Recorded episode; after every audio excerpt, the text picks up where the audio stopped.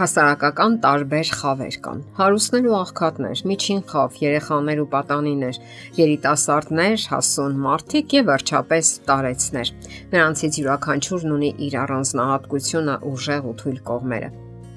Գաղտնիք չէ, որ երիտասարդներին սիրում են, նրանց գնահատում են ու հիանում նրանց ուժով, երանդով ու ստեղծագործական կարողություններով։ Երեխաներին սիրում են ու պաշտպանում, հովանավորում եւ ամեն հնարավորն անում նրանց կյանքը գեղեցկացնելու համար։ Իսկ ահա մի փոքր այլ է տարեց ու ծեր մարդկանց հանդեպ վերաբերմունքը։ Հասուն զարգացած հասարակությունը ամեն հնարավորն անում է նրանց կյանքը իսկապես բնականon հունով տանելու համար։ Փորձում են գնահատել նրանց ապրած տարիների կենսական փորձն ու աշխատանքային փորձառությունը Եվ այնուամենայնիվ պահպանվում է անտարբեր, երբեմն հեգնական վերաբերմունքը նրանց հանդեպ։ Իսկ երբ ընտանիքներում նրանց բռնության են ենթարկում, դա լրացնում է հասարակական անտարբերության պատկերը։ Ամենօրյա կենսական կատաղի վազվզոցի մեջ մեզանից ոչ մեկը ապահովագրված չէ մեր հանդեպ թույլ տրվող ձեռնացություններից։ Առավել հաճախ խոսում են ամուսինների, ծնողների ու երեխաների միջև գոյություն ունեցող վիճաբանությունների մասին։ Սակայն վերջերս հոգեբանները նշում են նաև տարեց մարդկանց հանդեպ գործադրվող հոգեբանական բռնությունների մասին։ Այդ բռնությունը դրսևորվում է անտարբերության, անհարգալից վերաբերմունքի, անհանդուրժողականության, անուշադրության տեսքով։ Նրանց վիրավորում են, կոպտում, հերացնում ընտանեկան կյանքից, եւ դա պատահական չէ։ Ծերերն ու երեխաները հասարակության ամենախոցելի խավն են Սակայն երեխաները կարողանում են սոցիալական կյանքում հավասարակշռել դա իրենց երանդուն կյանքով, իրենց կենսակերպով, իրենց էությամբ։ Նրանք մանկապարտեզ են գնում, տարբեր խմբակներ հաճախում, իսկ ահա տարեցները տարիքային, ֆիզիկական եւ հոգեբանական փոփոխությունների պատճառով հաճախ սահմանափակվում են սոցիալական շփումների մեջ եւ գտնվում են հարազատներից լիակատար կախվածության մեջ։ Հենց այդ մեկուսացումն էլ շատ դեպքերում հանդիսանում է հոգեբանական բռնության դրսևորման մեխանիզմը։ Երեխաների եւ կանանց օգնության ճգնաժամային կենտրոնի բաժանմունքի վարիչ Լյուբով Վիժանովան պատմում է նման բռնության տարբեր տեսակների մասին։ Նա գրում է, թե ինչ ձևեր կարող է ընդունել հոգեբանական բռնությունը։ Եվ այսպես հոգեբանական բռնության ձևեր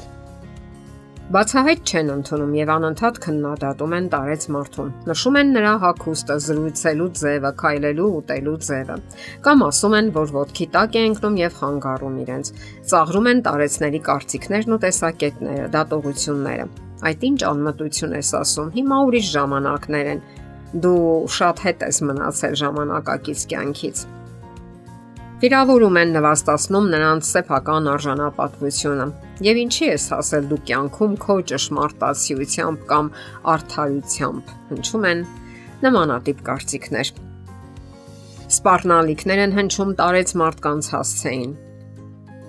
Ֆիզիկական եւ սոցիալական միտումնավոր մեկուսացում, երբ մարդու հետ ոչ մեկը չի խոսում, թույլ չեն տալիս որ նա որոշումներ ընդունի, կարծիք հայտնի,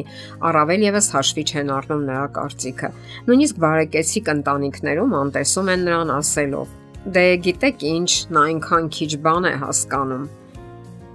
Չափազանց բարձր պահանջներ են ներկայացնում տարեց մարդուն, որը չի համապատասխանում նրա ֆիզիկական կամ հոգեբանական հնարավորություններին ու վիճակին։ Բացառված չեն հուզական կոպիտ միջամտությունները, որոնք հոգեկան վնասվածքներ են պատճառում տարեցներին, վիրավորում ու խոցում նրանց արժանապատվությունը։ Ինչ է գազլայթինգը։ Սա նոր արտահայտություն է, որը սահմանում է հոգեբանական բռնության ամենածանր տեսակը։ Այս դեպքում բռնացողը զոհին ստիպում է, որ կասկածի շրջապատող իրականությունն ընդունելու, ընկալելու իր ընտունակության վրա Արդյունքում հարազատը լիակատար վերահսկողություն է ստանում տարեց մարդու հանդեպ։ Նրան զրկում ցանկացած որոշում ինքնուրույն ընդունելու հնարավորությունից։ Դա կարող է լինել բժշկի մոտ ընդունելության գրանցումից, սննդից ու սննդակարգից մինչև անշարժ գույքը տնորինելու եւ գործարք կատարելու հնարավորությունը։ Գազլայթինգի պատճառ կարող է լինել նաև շահադիտական հետաքրքրությունը տարեց մարդու ունեցվածքի հանդեպ։ Ուշադրություն դարձնենք հետևյալ արտահայտություններին, որոնք օգտագործում է բռնացողը զոհին հուզականորեն ցնցելու եւ հավասարակշռությունից հանելու համար։ Քեզ ինչ պատահեց։ Ես երբեք նման բան չեմ ասել։ Լսիր, այդ քեզ միայն թվում է, որ ինքնազգացողությունը դվատ է։ Դա բոլորովին էլ այդպես չէ։ Դու նորից ամեն ինչ խառնեցիր։ Մենք այդ բժշկի մոտ չենք գնացել։ Քեզ մոտ ոչ թե հոգնածություն է, այլ նորից դեպրեսիա է սկսվում։ Այսպես